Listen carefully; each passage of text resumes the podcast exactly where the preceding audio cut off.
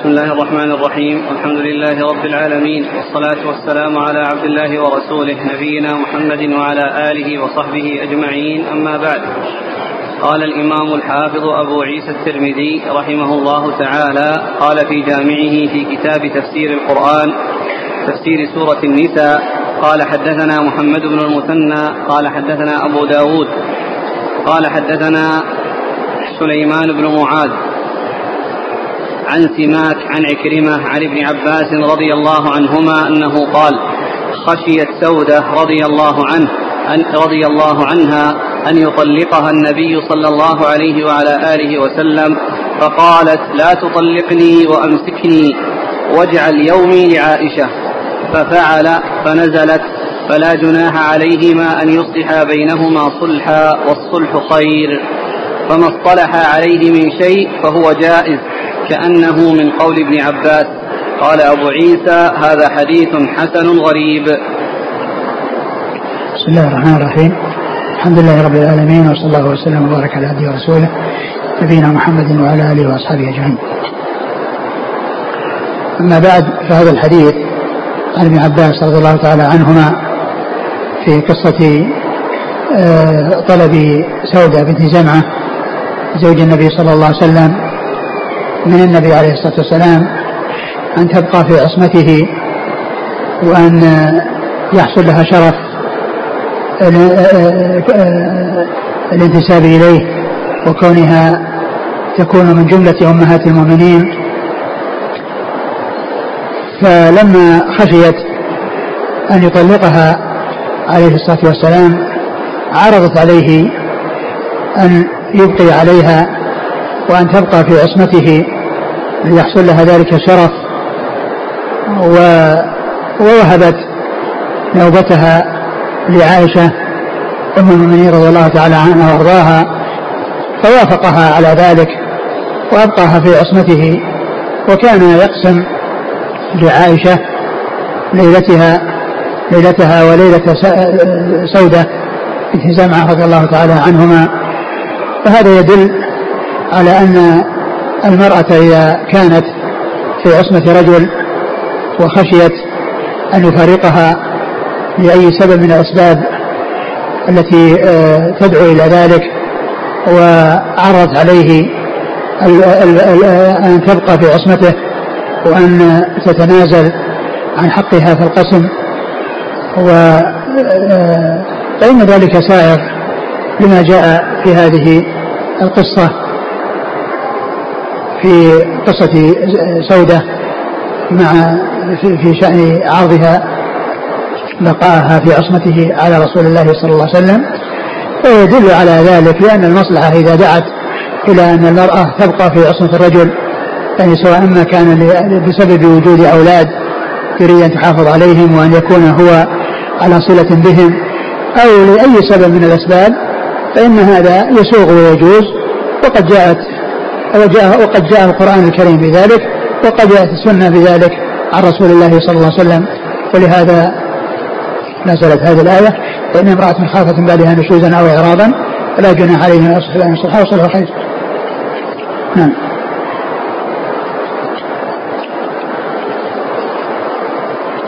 قال حدثنا محمد والجملة الأخيرة التي قال كأنها من قول ابن عباس التي هي قوله آآ آآ على ما اصطلح عليه إيش؟ كأنه من فما اصطلح عليه من شيء فهو جائز. فما اصطلح عليه من شيء فهو جائز فكأنها من قول ابن عباس. يعني قول كأنها من قول ابن عباس جاءت في هذه في بعض النسخ في هذه النسخة وبعض النسخ الأخرى وبعضها التي نسخة الشارح وبعض النسخ ليس فيها ذكر هذه الجملة. قال حدثنا محمد بن المثنى. هو أبو موسى العنزي الملقب الزمن محمد بن المثنى ثقة أخرج له أصحاب الكتب الستة وهو شيخ لأصحاب الكتب الستة. عن أبي داود. أبو داود الطيالسي سليمان بن داود وهو ثقة أخرجه البخاري تعليقا ومسلم وأصحاب السنن. عن سليمان بن معاذ. وهو؟ سيء الحفظ. نعم. البخاري تعليقا ومسلم وأبو داود والترمذي والنسائي. نعم. عن سماك. سماك هو ابن حرب وهو صدوق أخرجه البخاري تعليقا ومسلم وأصحاب السنن وروايته عن عكرمة فيها اضطراب وهذا من روايته عن عكرمة وعكرمة هو مولى بن عباس وهو ثقة أخرج إلى أصحاب في الستة وابن عباس هو ابن عم النبي صلى الله عليه وسلم وأحد العباد له الأربعة من أصحاب الكرام وأحد السبعة المكثرين من حديث الرسول صلى الله عليه وسلم.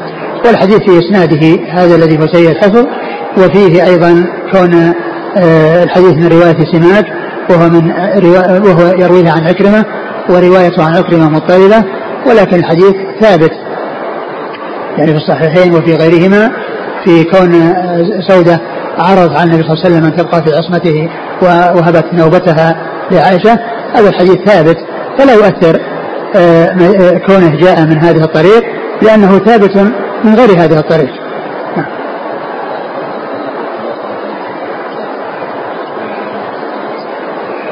يمكن أن يعرض عليها إذا كان له له رغبة له رغبة في فراقها و يعني آه، يريد وأن يعرض عليها ذلك له لأن بدلا ما يطلقها وإذا عرض عليها وعرفت من مصلحتها في أن تبقى فعل وإن أرادت أن يطلقها طلقها.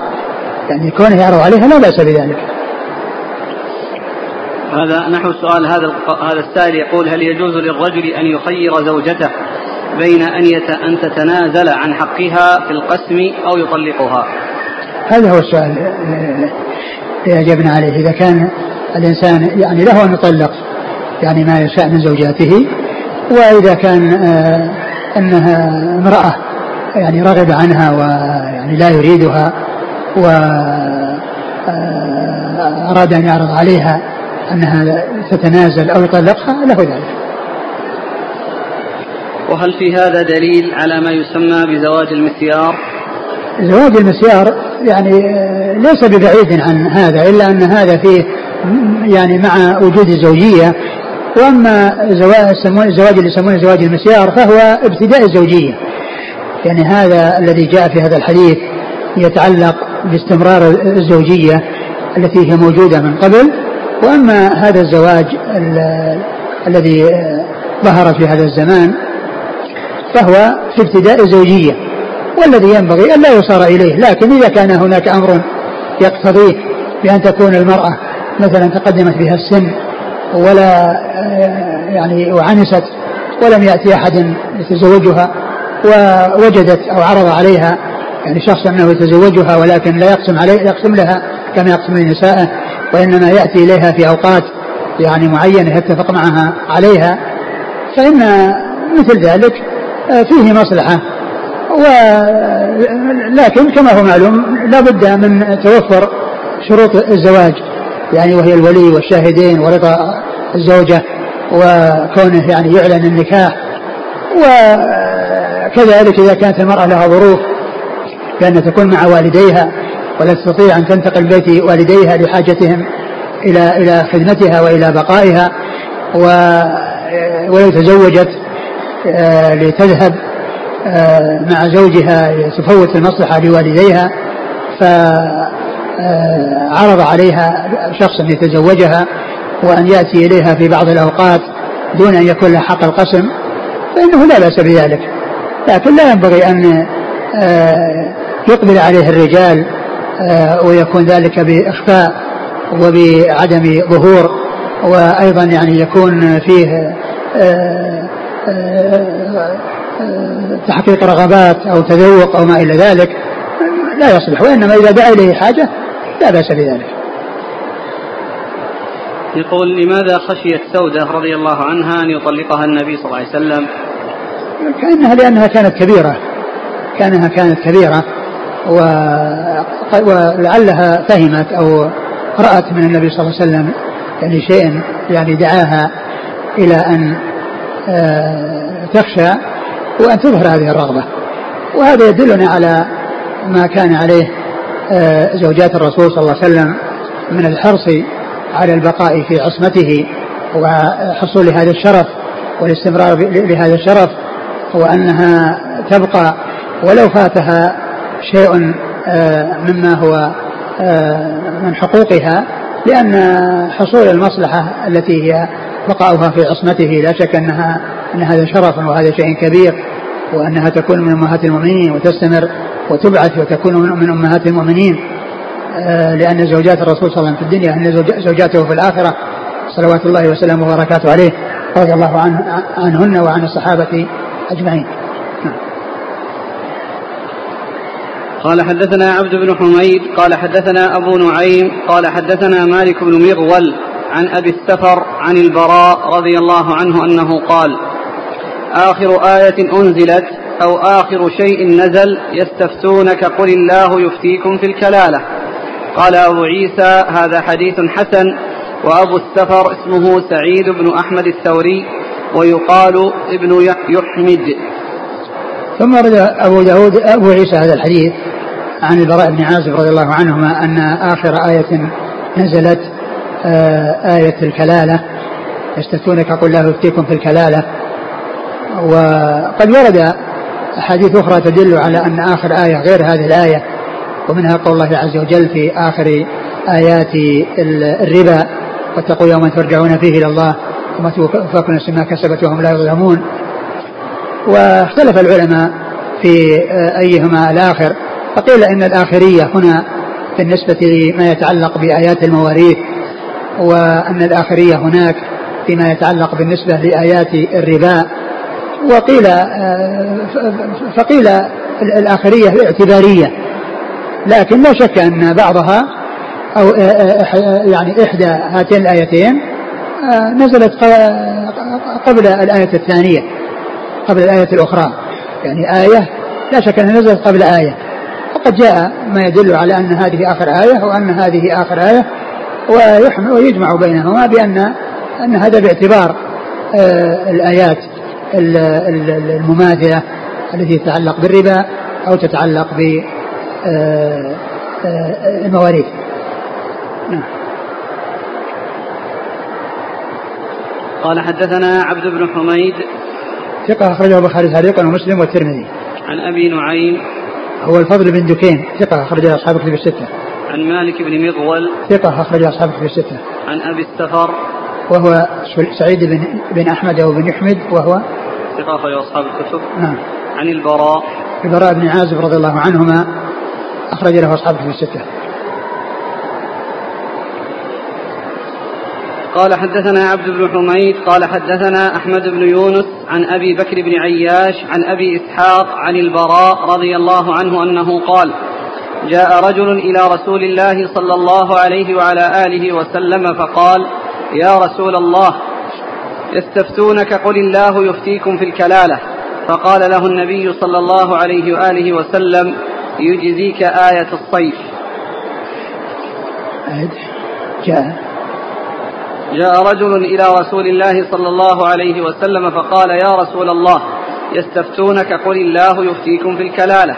فقال له النبي صلى الله عليه وسلم يجزيك آية الصيف. آه هذا الحديث عن البراء بن عازب رضي الله عنهما أن رجل جاء إلى النبي صلى الله عليه وسلم وسأله عن الكلالة التي جاءت في الآية. ومعلوم أن الكلالة جاءت في سورة النساء في موضعين في أولها في آية الزوجين والإخوة لأم التي بدأت بقوله ولكم نصف ما ترك أزواجكم. وآية يستفتونك قل لا يفتيكم في كلالة إن امرؤ هلك التي هي آخر آية في سورة النساء.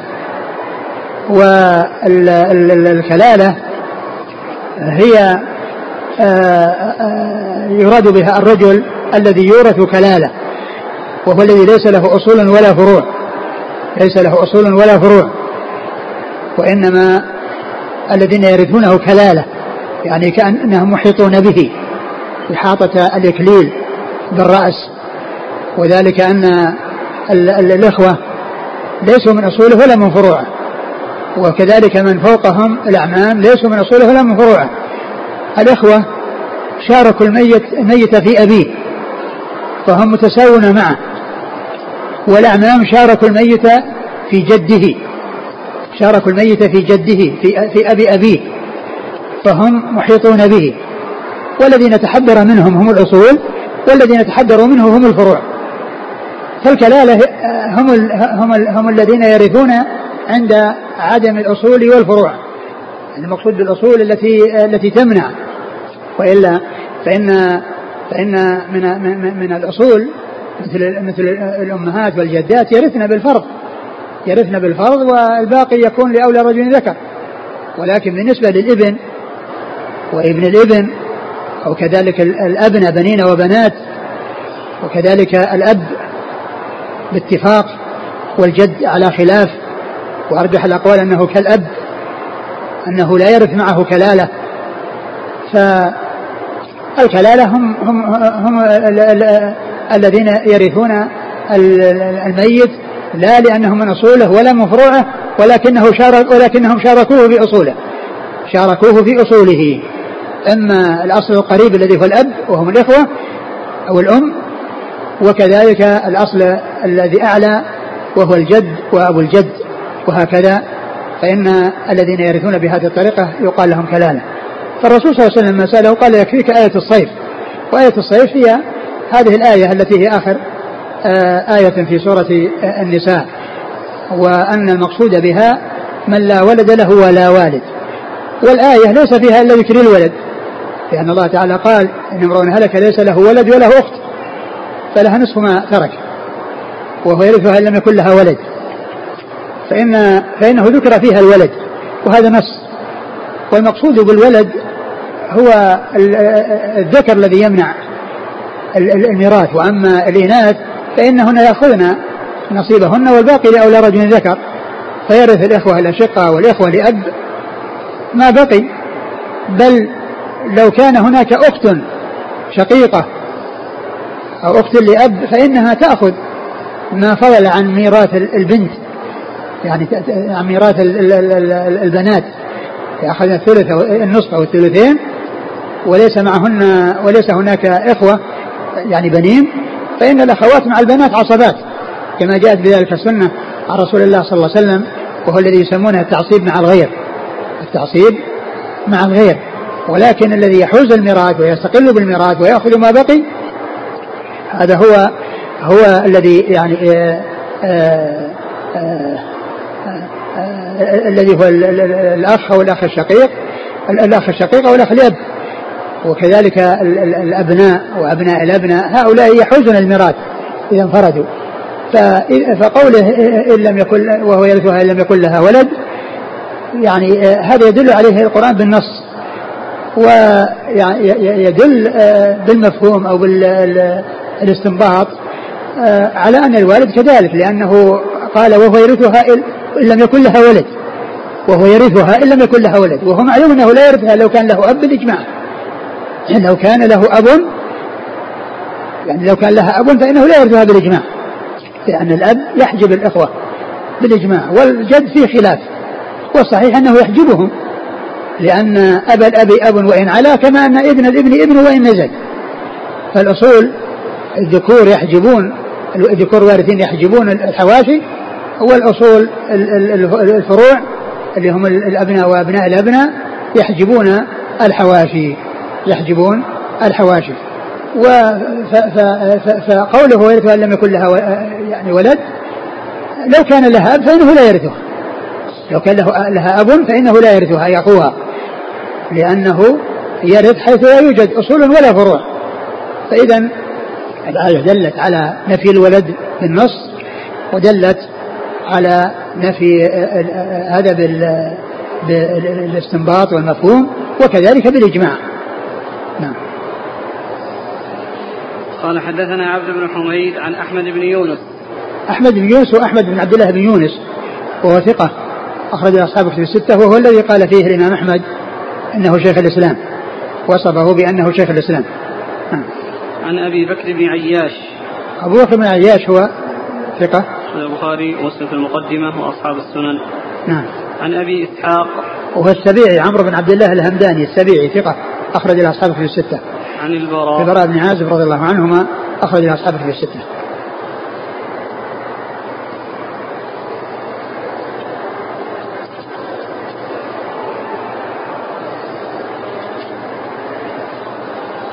قال رحمه الله تعالى باب ومن سورة المائدة.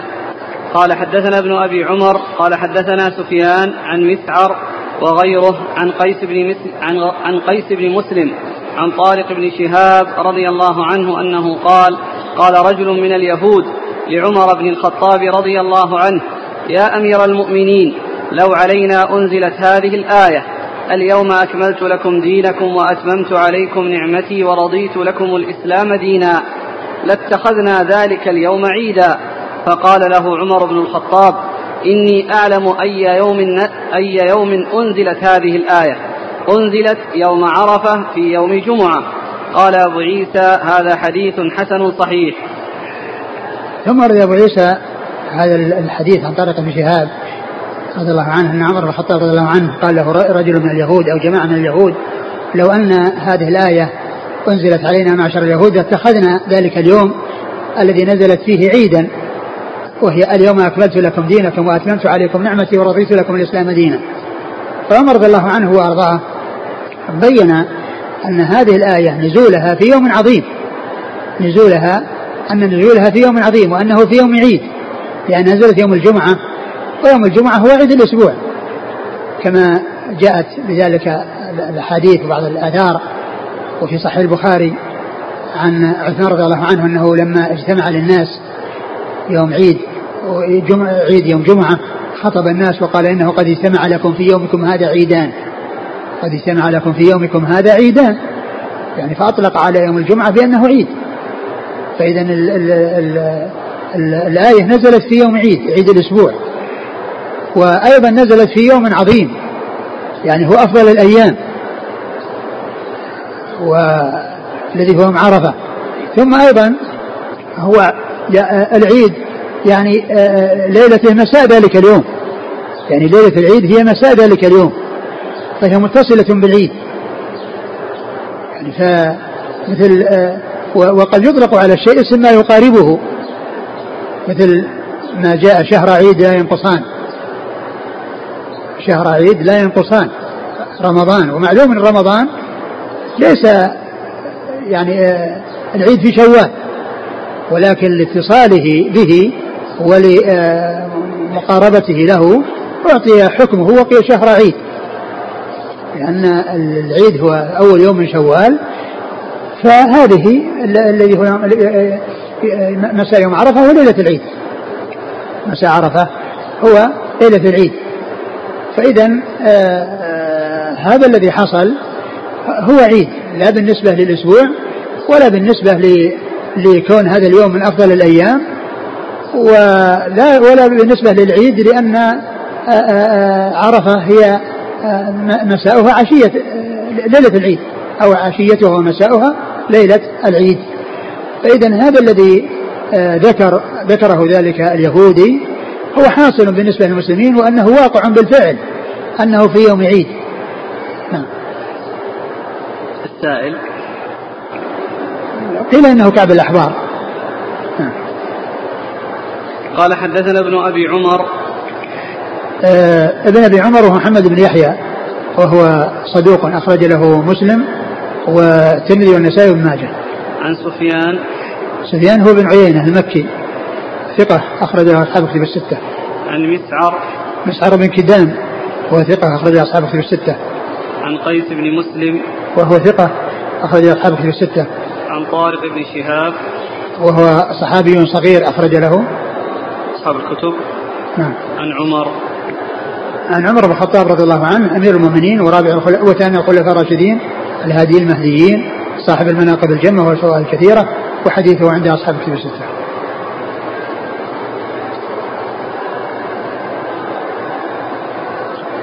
يقول السائل هل يسمى يوم عرفة عيد آه، المسلمون المسلمون ليس لهم إلا عيدان عيد الأضحى عيد الفطر وعيد الأضحى ولكنه آه، عمر رضي الله عنه لما ذكر أنها أني أعلم كيف نزلت وأن نزلت في يوم كذا ويوم كذا فلا يقال له عيد ولكنه متصل بالعيد.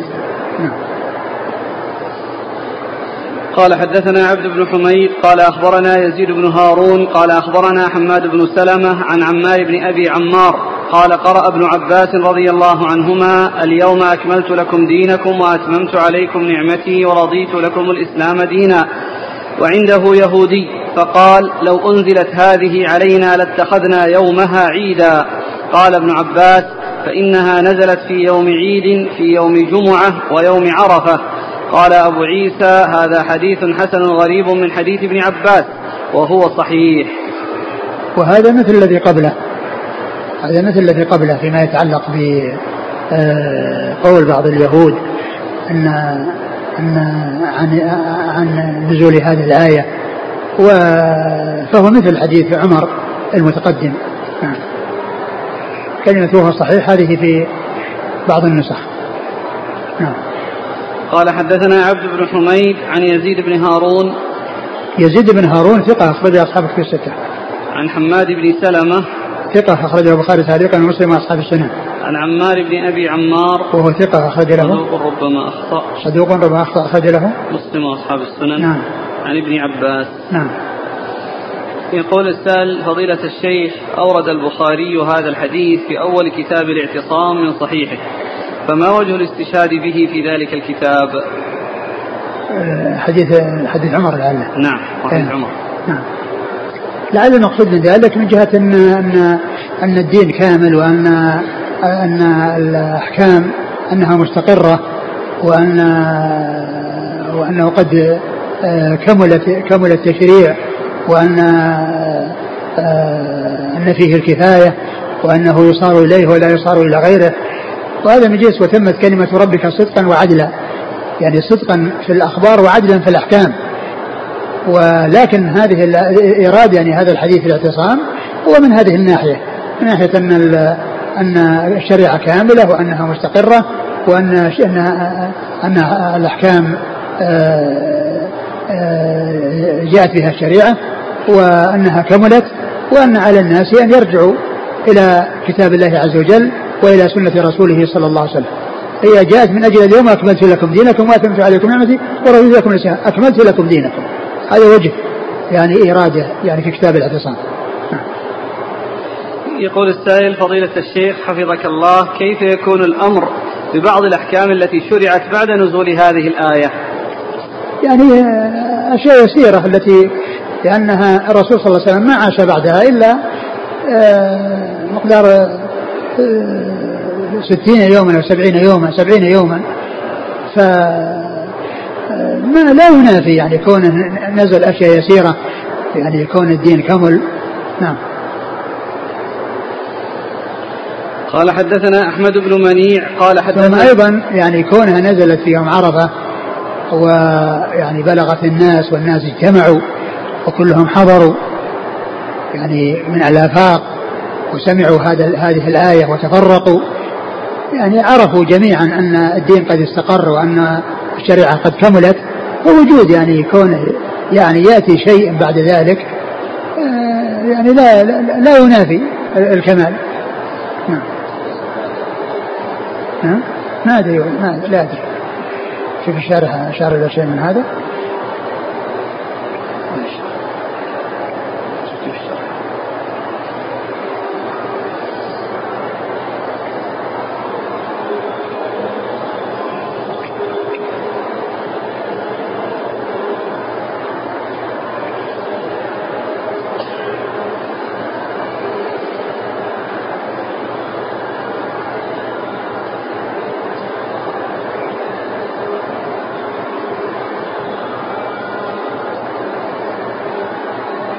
نعم يقول اليوم أكملت لكم دينكم أحكامه وفرائضه فلم ينزل بعدها حلال ولا حرام وأتممت عليكم نعمتي بإكماله وقيل بدخول مكة آمنين. ومعلوم أن الدين يعني الأحكام غير الأحكام.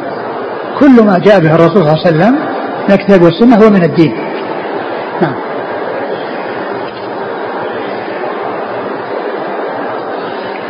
قال حدثنا أحمد بن منيع قال حدثنا يزيد بن هارون قال أخبرنا محمد بن إسحاق عن أبي الزناد عن الأعرج عن أبي هريرة رضي الله عنه أنه قال قال رسول الله صلى الله عليه وعلى آله وسلم يمين الرحمن ملأى سحاء لا يغيضها الليل والنهار.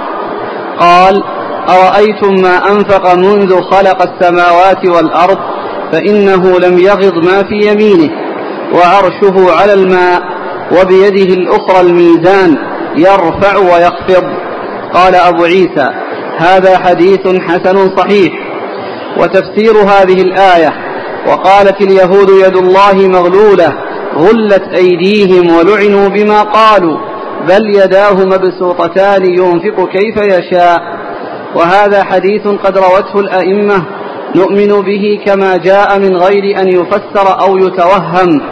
هكذا قال غير واحد من الأئمة الثوري ومالك بن أنس وابن عيينة وابن المبارك إنها تروى هذه الأشياء ويؤمن بها فلا يقال كيف.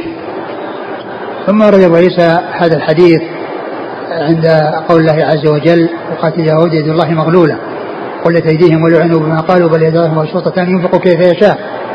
وقال إن يمين الله ملآ سحاء الليل والنهار أي أنه كامل الغنى وبيده كل خير وهو ينفق كيف يشاء و آه، يرزق عباده ليلا ونهارا.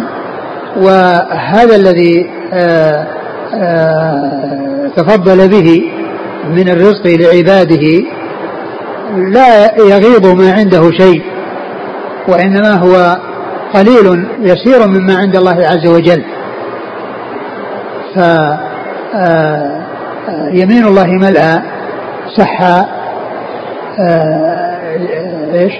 لا لا يغيضها الليل والنهار. لا يغيضها صح الليل والنهار. لا ملأى سحاء لا يغيضها الليل لا يغيضها يعني الإنفاق بالليل والنهار. يعني صح يعني ينفق ويتفضل بالإحسان والإنفاق على خلقه وكون ذلك يحصل ليلا ونهارا ومع ذلك لا ينقص مما عنده شيء. كما جاء في الحديث الذي في صحيح مسلم عن أبي ذر حديث القدسي لو أن أولكم وآخركم آه وجنكم وانسكم اجتمعوا في صعيد واحد فسألوني فأعطيت كل واحد مسألته. ما نقص ذلك من ملكي شيئا إلا كما ينقص المخيط إذا أدخل البحر. كما ينقص المخيط إذا أدخل البحر.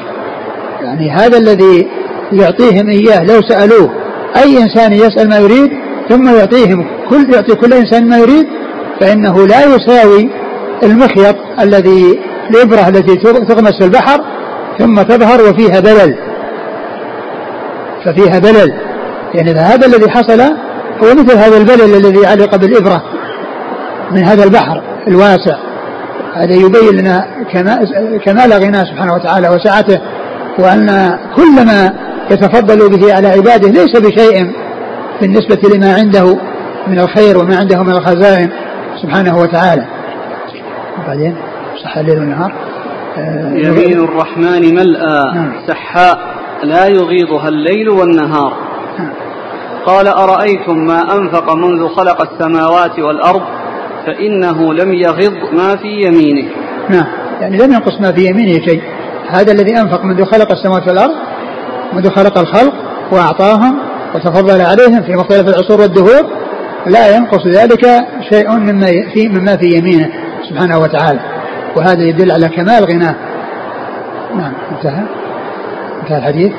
بقي وعرشه على الماء وبيده الأخرى الميزان يرفع ويخفض. وعرشه على الماء لأنه خلق المخلوقات ورزقها وكان عرشه على الماء قبل أن يخلق السماوات والأرض كما جاء ذلك في الحديث حديث عبد الله بن عمرو.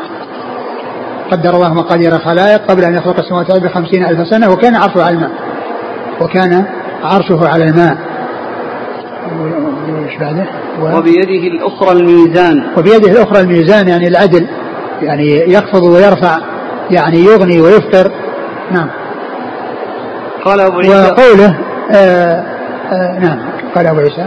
وتفسير هذه الآية وقالت اليهود يد الله مغلولة غلت أيديهم ولعنوا بما قالوا بل يداه مبسوطتان ينفق كيف يشاء وهذا حديث قد روته الأئمة. نؤمن به كما جاء من غير أن يفسر أو يتوهم. المقصود بأنه يفسر تفسير الجهمية الذي الذين يفسرونه على خلاف ما تدل عليه اللغة. وإلا فإن المعاني معاني الآيات الصفات آه، كما جاء عن مالك بن أنس رحمة الله عليه قال الاستواء معلوم والكيف مجهول. الاستواء معلوم لأن الله تعالى خاطب الناس بكلام يعرفون معناه. وهذا بخلاف بخلاف المؤولة والمفوضة. لأن المؤولة يقولون آه الاستواء يراد به آه الاستيلاء. يراد به الاستيلاء فيفسرونه بغير ما يدل عليه. وكذلك المفوضة يقولون الله أعلم بمراده بالرحمن العرش استوى. ما ندري إيش معنى الرحمن العرش استوى. وهذا وهذا آه كلام باطل. لأن لأن الله تعالى خاطب الناس بكلام لا بكلام لا يفهمون معناه. ليس مثل حروف مقطعة ألف لام راء ألف لام. ميم نعم هذه قال الله أعلم بمراده به. لأنه ما هو كلام مركب جمل حتى الله أعلم بمراده به. وإن كان بعض العلماء استنبط من ذكر القرآن بعدها أن هذا فيه إشارة إلى التحدي. لكنها لكنه في حد ذاته حروف الحروف لا يستفاد منها حكم لا يستفاد منها معنى. ولهذا أكثر العلماء قالوا في هذه الحروف الله أعلم بمراده بها. لكن كلام مركب الرحمن العرش استوى بل يداه مبسوطتان يد الله ملأى وغير ذلك فهذا فهذا مما يفهم معناه كما قال ذلك مالك بن أنس رحمة الله عليه لما سئل عن الاستواء قال الاستواء معلوم والكيف مجهول. فإذا الناس يجهلون الكيفية وأما معاني ما خطب فإنهم يعرفون ذلك. يعرفون أن البصر غير السمع ومعنى السمع غير معنى البصر وأن البصر يتعلق بالمرئيات والسمع يتعلق بالمسموعات. لكن كيفية سمع الله وكيفية بصر الله الله أعلم. كما قال الله عز وجل ليس كمثله شيء وهو السميع البصير فأثبت السمع والبصر ونفى المشابهة. أثبت السمع والبصر بقوله هو السميع البصير ونفى التشبيه والمشابهة بقوله ليس كمثله شيء فله سمع لا كالأسماع وبصر لا كالأبصار. إذا قول آه، السلف وما ذكره الترمذي أنه لا يفسر يعني يفسر تفسير الجهمية تفسير يخالف ما يدل عليه. يعني يدل عليه النصوص من الكتاب والسنة. وهذا يدل على إثبات اليمين لله عز وجل وإثبات اليدين لله عز وجل وأن هذه من صفاته سبحانه وتعالى ويقال فيها مثل ما يقال في سائر الصفات. الله تعالى له يد له يدان مبسوطتان من صفاتهما كذا وكذلك يقبض السماوات بيمينه ويقبض الأرضين بالأخرى. جاءت النصوص تدل على أفعال يفعل الله تعالى بها في يديه يعني ويحصل بيديه هذه الأفعال.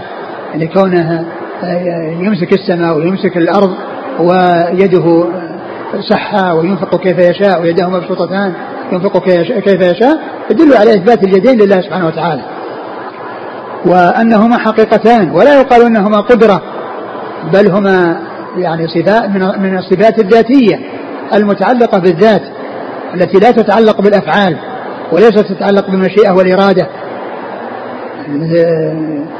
الأفعال هي تتعلق بالمشيئة والإرادة مثل الخلق والرزق والإحياء والإماتة. نعم. قال إيش؟ لا يسوى لا يم... وهذا حديث قد روته الأئمة نؤمن به كما جاء من غير أن يفسر أو يتوهم. غير أن يفسر أو يتوهم يعني يتوهم له آه يعني كيفية أو يتوهم له معنى آخر غير المعاني التي تدل عليه تدل, تدل عليها اللغة.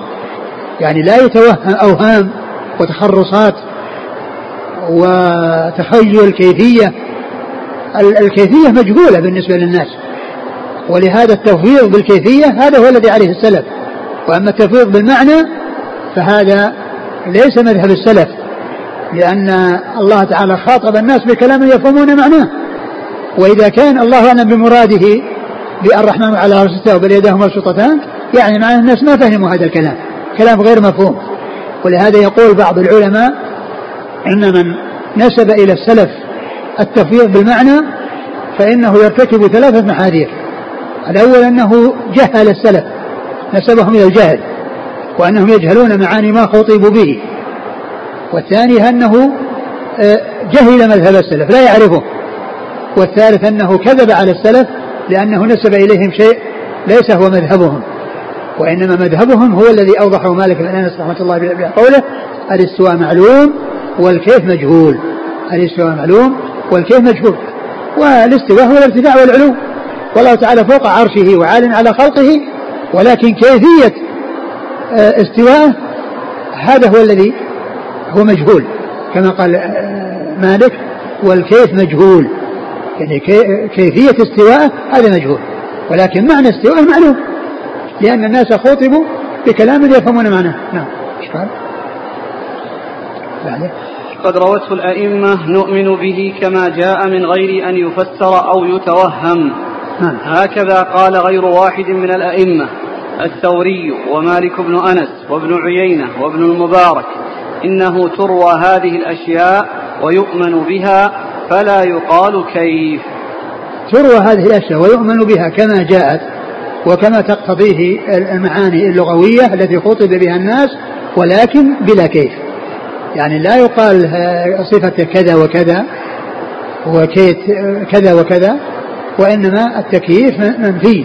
ولهذا مذهب أهل السنة والجماعة في الصفات أنه يؤمن بكل ما ثبت بالكتاب والسنة من من صفات الله عز وجل على الوجه اللائق بكمال الله وجلاله دون تحريف أو تعطيل أو تأويل ودون تشبيه أو تمثيل أو تكييف. نعم. انتهى؟ نعم.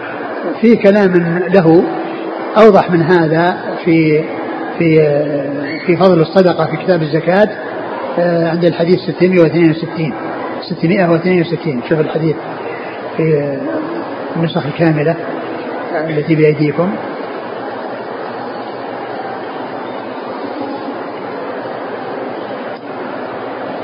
نعم. عند حديث إن الله يقبل الصدقة ويأخذها بيمينه. نعم. فيربيها لأحدكم كما يربي أحدكم مهره. نعم. قال رحمه الله نعم. قال في آخره. وقد قال غير وقد قال غير واحد من أهل العلم في هذا الحديث وما يشبه هذا من الروايات من الصفات. ونزول الرب تبارك وتعالى كل ليلة إلى السماء الدنيا. قالوا قد ثبتت الروايات. قد ثبتت الروايات في هذا ويؤمن بها ولا يتوهم ولا يقال كيف. هكذا روي عن مالك وسفيان بن عيينة وعبد الله بن المبارك أنهم قالوا في هذه الأحاديث أمروها بلا كيف. وهكذا قول أهل العلم من أهل السنة والجماعة. أمروها بلا كيف النفي هو للكيف فقط ليس يعني نفي للمعنى. أمروها بلا كيف ما قال بلا فهم لمعنى أو بلا بلا كيف وإنما قال بلا كيف. وإلا فإن الناس خاطبوا بكلام يفهمون معناه كلام يفهمون معناه. ولهذا سألوا الرسول صلى الله عليه وسلم الصحابة سألوا عن أمور متعددة ولم يسألوهم عن معاني الصفات لأن هذا شيء معروف عندهم. وهم أحرص الناس على كل خير وأسبق الناس إلى كل خير. ولكنهم فهموا معاني ما خطبوا به وآمنوا به على ما يليق به سبحانه وتعالى دون أن يفكروا في كيفية. نعم. وأما الجهمية فأنكرت هذه الروايات وقالوا هذا تشبيه. وقد ذكر الله عز وجل في غير موضع من كتابه اليد والسمع والبصر. فتأولت الجهمية هذه الآيات ففسروها على غير ما فسر أهل العلم. وقالوا على غير ما فسر أهل العلم. يعني أهل العلم يعني عندهم تفسير. لأن قوله هناك لا تفسر تفسير جهمية. وهنا قال فسروها على غير ما فسر أهل العلم. يعني معناه الشيء الذي آه، فسره أهل العلم من آه، معاني الصفات مثل الاستواء. قالوا ارتفع وعلى فسروها باستولى وما أشبه ذلك من العبارات. نعم. فتأولت الجهمية هذه الآيات ففسروها على غير ما فسر أهل العلم. وقالوا فقوله فسروها على ما فسر إذا هنا قول لا تفسر يقصد بتفسير الجهمية لأنه هنا أثبت تفسيرين تفسير الجهمية وتفسير لأهل العلم. أثبت تفسيرين تفسير للجهمية وتفسير لأهل العلم. والذي نفاه هو تفسير الجهمية لا تفسير أهل العلم. مثل مالك رحمة الله عليه قال الاستواء معلوم نعم. وقالوا إن الله لم يخلق آدم بيده. وقالوا إن معنى اليد ها هنا القوة. وقال إسحاق بن إبراهيم إنما يكون التشبيه إذا قال يد كيد أو مثل يد أو سمع كسمع أو مثل سمع. فإذا قال سمع كسمع أو مثل سمع فهذا التشبيه. وأم نعم. وأما إذا قال كما قال الله تعالى يد وسمع وبصر ولا يقول كيف ولا يقول مثل سمع ولا كسمع فهذا لا يكون تشبيها. نعم. هم هم البلاء الذي أصاب المعطلة والمؤولة هو تصور التشبيه. تصور التشبيه. ولهذا المعطلة هم مشبهة مشبهة مرة من جهتين. المعطلة مشبهة والمشبهة معطلة. كيف كان المعطلة مشبهة؟ لأن التشبيه حصل لهم من جهتين. إحداهما أنهم تخيلوا أنه لا تثبت الصفة إلا وفقا لما هو مشاهد للمخلوقين. فإذا ما انقدح في أذهانهم إلا التشبيه. فإذا حصل منهم تصور التشبيه أولا حيث تخيلوا وتصوروا أنه لا يثبت لله صفة إلا إذا كانت وفقا لصفات المخلوقين. فصاروا إلى التأويل والتعطيل. نتيجة أنهم فروا من تشبيه الله بالموجودات وشبهوه بالمعدومات. النتيجة أنهم انتهوا إلى تشبيه المعلومات لأنه إذا كان ليس بكذا وليس بكذا فإنه يصير معناه أنه لا وجود له. إذا المشبه المعطلة حصل لهم التشبيه أولا في تصور أنه لا إثبات إلا مع التشبيه. ونهاية بعدما قال الله ليس بكذا كل شيء نفوه عن الله صارت النتيجة أنه لا لا لا وجود له. كما قال يعني بعض السلف المعطل يعبد عدما. لا وجود لمعبوده لأنه إذا كان ليس بكذا وليس بكذا كل الصفات ينفون عنه إذا لا وجود له. ولهذا ابن عبد البر رحمه الله في كتاب التمهيد قال إن الذين أن المعطلة يصفون الذين يثبتون الصفات بأنهم مشبهة. قال وهم عندما نقر بها نافون للمعبود. يعني الذين يثبتون الصفات يعتبرون المعطلة الجهمية نافين لوجود الله عز وجل. نافين للمعبود.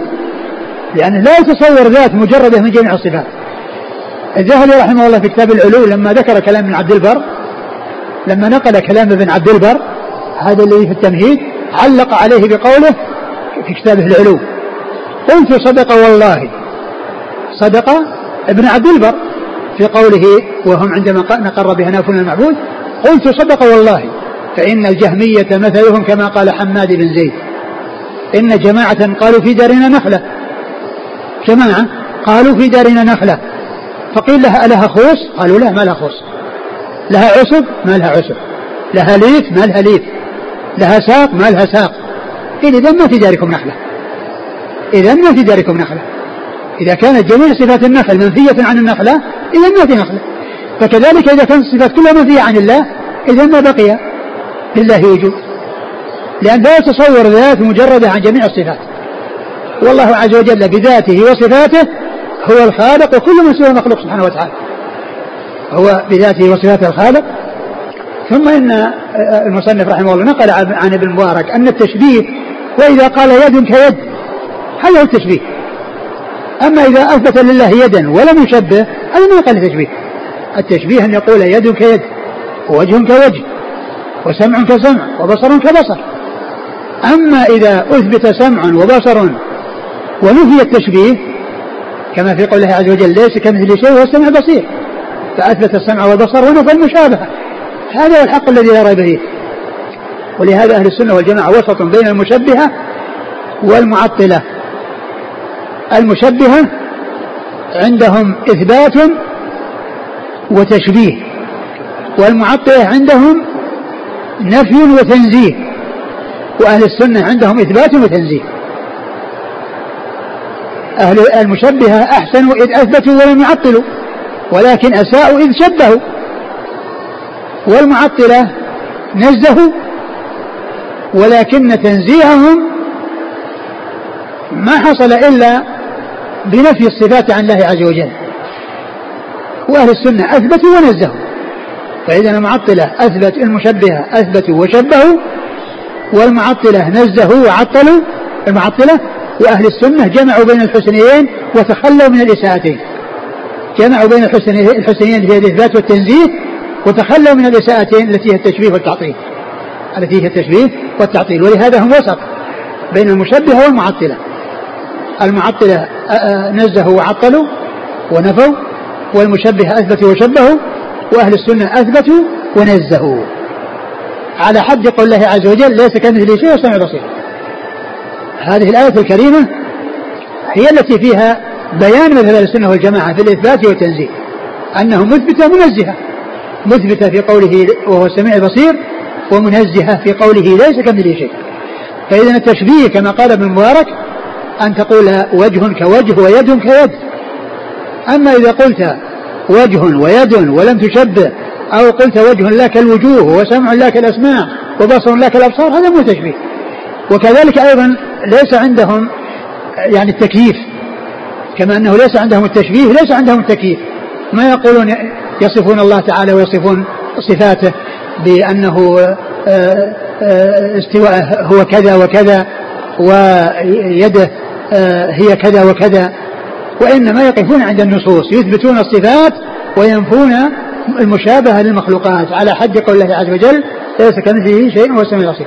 فكلام الترمذي رحمه الله في في كلامه في كلام كلامه السابق الذي في تفسير ما يتعلق بكتاب الزكاة واضح جلي. يعني يبين أن قوله هنا وما يحكيه عن بعض السلف أنها لا تفسر أي لا تفسر تفسير جهمية.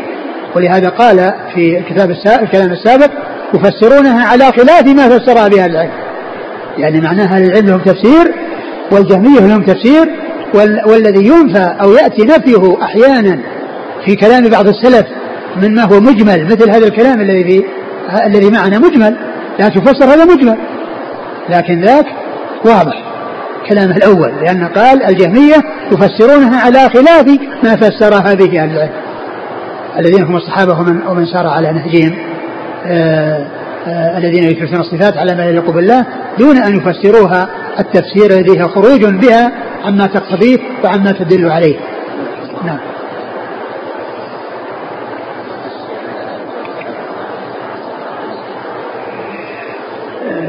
القدرة إيش قال؟ إيش العبارة؟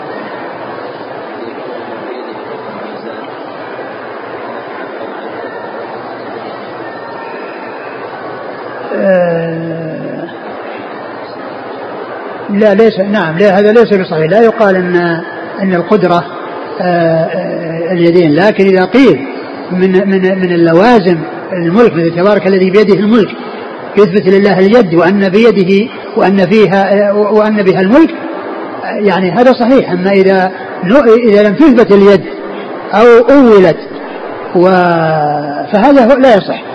أما إذا أثبتت اليد وأثبتت اللوازم فهذا صحيح. أما أن تنفى اليد أو لا تثبت ويؤتى بلوازم هذا غير صحيح. قال عبارة أخرى أيضا قال قال إيش قال سنة إيش التثنية؟ قال قال عن التثنية هذا كلام مو جيد. الشارح ليس المحقق. ها؟ الكلام اللي قرأ الشيخ عبد الرزاق هذا المعلق. إبراهيم عطا تعليق هذا؟ هذا التعليق؟ لا بكلام الشارح هذا هذا قطع كلام غير صحيح. كلام معلق لكن نفس الشارح له كلام حول ال حول ال اليدين. إيش المقصود؟ التكثير أو كلام حول هذا. في كلام حول هذا. كلام مجمل.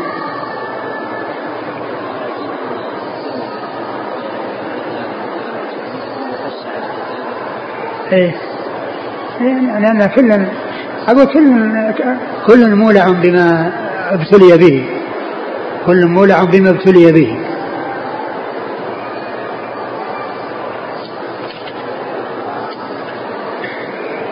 شوف كلام في حول اليدين. تفسير الآية. يداه مبسوطتان مبالغة في الوصف بالجود وثنى اليد لإفادة الكثرة. إذ نعم أيوة. غاية ما يبذله ما يبذله السخي من ماله أن يعطي بيده. لا بس التثنية يعني إشارة للكثرة يعني اليدان صفة لله عز وجل بل يداه مبسوطتان صفتان كلهما صفة كلها صفة لله عز وجل. يعني ليست يعني المقصود بانها يد وأن المقصود الكثرة بل بل هما يدان حقيقيتان. كما يعني جاء في هذه الآية وكما جاء في خلق آدم. معنى أن تسجد لما خلقت بيدي. معنى أن تسجد لما خلقت بيدي. فهما يدان حقيقيتان ليس المقصود أن التثنية هو إشارة إلى كثرة إلا إذا كان المقصود يعني كثرة الإنفاق وما إلى ذلك. نعم هذا قد يكون له وجه لكن الكلام مجمل. أنا ذكرت أن أن المعطلة مشبهة وأن التشبيه حصل من جهتين من جهة تصورهم في أول الأمر أنه لا إثبات إلا مع التشبيه وما آل إليه أمرهم في الآخر إلا أنهم شبهوا الله بالمعدومات. أما المشبهة فإنهم معطلة. هم مشبهة ومعطلة. كيف كانوا معطلة هم مشبهة واضح لأنهم قالوا يد كيد وجه كوجه. لكن كيف كانوا معطلة؟ لأن الذي يليق بالله عز وجل ما أثبتوه. أثبتوا له شيء لا يليق به. فإذا هم معطلة في الحقيقة. لأن الذي يليق بالله عز وجل نفوه ما أثبتوه. أثبتوا شيئا لا يليق به سبحانه وتعالى. فإذا هم أيضا معطلة لأن الذي واجب إثباته وهو آه، إثبات الصفات على ما يليق به من غير تشبيه هذا ما حصل منهم. فلهذا هم يعتبرون معطلة في هذا لأنهم عطلوا الله عما يليق به وأثبتوا له شيئا لا يليق به. أثبتوا فإذا المعطلة جمعوا بين التشبيه والتعطيل والمشبهة جمعوا بين التشبيه والتعطيل. وأهل السنة جمعوا بين الإثبات والتنزيه وسلموا من التعطيل والتشبيه. فجمعوا بين الحسنيين الإثبات والتنزيه وتخلوا من الإساءتين وهما التعطيل والتشبيه. قال حدثنا أحمد بن منيع. ثقة أخرج أصحاب في الستة. عن يزيد بن هارون عن محمد بن إسحاق آه، هو المدني وهو صدوق أخرج له في البخاري تعليقا ومسلم وأصحاب السنة. عن أبي الزناد هو عبد الله بن ذكوان وهو ثقة أخرج أصحابه في الستة. عن الأعرج الأعرج آه، عبد الرحمن بن هرمز وهو ثقة أخرج أصحابه في الستة. عن أبي هريرة عن أبي هريرة رضي الله عنه عبد الرحمن بن صخر الدوسي رضي الله عنه أكثر الصحابة حديثا.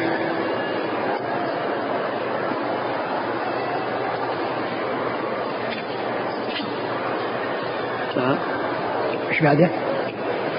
حديث تفسير الآية والله يعصمك من الناس. نعم يقرأ. قال حدثنا عبد بن حميد قال حدثنا مسلم بن إبراهيم قال حدثنا الحارث بن عبيد عن سعيد الجريري عن عبد الله بن شقيق عن عائشة رضي الله عنها أنها قالت كان النبي صلى الله عليه وعلى آله وسلم يحرس حتى نزلت هذه الآية والله يعصمك من الناس. فأخرج رسول الله صلى الله عليه وعلى آله وسلم رأسه من القبة فقال لهم يا أيها الناس انصرفوا فقد عصمني الله. قال حدثنا نصر بن علي قال حدثنا مسلم بن إبراهيم بهذا الإسناد نحوه. قال أبو عيسى هذا حديث غريب وروى بعضهم هذا الحديث عن الجريري عن عبد الله بن شقيق. قال كان النبي صلى الله عليه وسلم يحرس ولم يذكروا فيه عن عائشة. ثم أورد أبو عيسى هذا الحديث عن عائشة رضي الله عنها أن النبي صلى الله عليه وسلم كان يحرس وأنه بعدما نزل عليه يا أيها النبي بلغ ما بلغ ما أنزلك من ربك وإذا لم تفعل فما بلغت رسالته والله يعصمك من الناس. قال يعني أمرهم بأن يتركوا ما كانوا عليه وقال إن الله تعالى عصمه. و فيما يتعلق بالحديث السابق الحافظ بن حجر عند عند قول البخاري يا أيها الرسول بلغ يا أيها الرسول بلغ ما من ربك لم تفعل ما بلغت رسالته. آه ذكر آه عند عند شرح هذا الحديث كلاما كثيرا عن السلف فيما يتعلق بما كانوا عليه من إثبات الصفات وعدم التعرض لها بتشبيه ونقل نقولا متعددة ثم ختم ذلك بكلام له جميل جدا وقال إن هذا هو خير القرون وهذا الذي كان عليه القرون فكيف يعني آه كيف يكون الحق في آه يعني في في, في, في غير كلامهم؟ كلام لنفسه لحجر نفسه. بعد أن ساق تلك الآثار وتلك الكلام الكثير ختمه بكلام جميل له يعني يدل على يعني آه أنه رحمه الله على طريقة السلف ولكنه أحيانا يأتي في نفس الشرح يأتي بكلام ويحكي كلام بعض المتكلمين ويسكت على ذلك ولا يتعرض له ولكنه آه، آه، في هذا يعني نص وذكر كلاما جميلا لنفسه يتعلق بأن الحق هو ما كان عليه سلف هذه الأمة الذين هم خير الذين هم أصحاب القرون الثلاثة التي هي خير القرون. آه هذا هذه الآية بعدما نزلت الرسول صلى الله عليه وسلم أمر الناس بأن لا يحرسوه وقد قيل كيف هذا وقد الرسول صلى الله عليه وسلم شج وجهه وكسرت رباعيته. فقيل إن هذا قبل أن تنزل هذه الآية. وقيل إن المنع أو الذي العصمة إنما هي من القتل. وأما كونه ينالها شيء من الأذى يعني فهذا يوفق بين ما جاء مما حصل له وبين هذا الذي جاء به القرآن. من أنهم لا سبيل لهم إلى قتله والله تعالى يعصمه منهم وأما كونه يحصل منهم شيء من الإيذاء فهذا يحصل ولا ينافي ما جاء في هذه الآية. هذا على على على ما يحصل على ما حصل له بعد نزولها وأما ما حصل يوم أحد كون شج وجهه وكسرت رباعيته فإن هذا متقدم والمائدة من آخر ما نزل. نعم.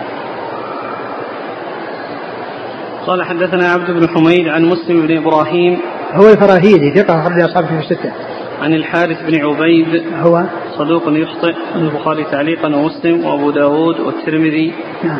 عن سعيد الجريري وسعيد بن إياس الجريري ثقة أخرج أصحابه في الستة.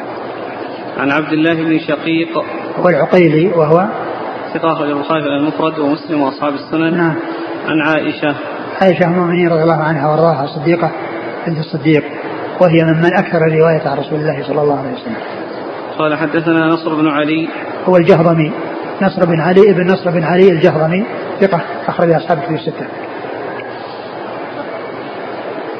قال وروى بعضهم هذا الحديث عن الجريري عن عبد الله بن شقيق. كان النبي صلى الله عليه وسلم يحرس ولم يذكروا فيه عن عائشة. نعم من مرسل انتهى. نعم. انتهى ما يتعلق بالحديث. نعم. والله تعالى أعلم وصلى الله وسلم وبارك على عبده ورسوله نبينا محمد وعلى آله وأصحابه أجمعين. جزاكم الله خيرا وبارك الله فيكم ووفقكم للحق. ونفعنا الله بما سمعنا غفر الله لنا ولكم وللمسلمين أجمعين. سبحانك اللهم وبحمدك أشهد أن لا إله إلا أنت أستغفرك وأتوب إليك.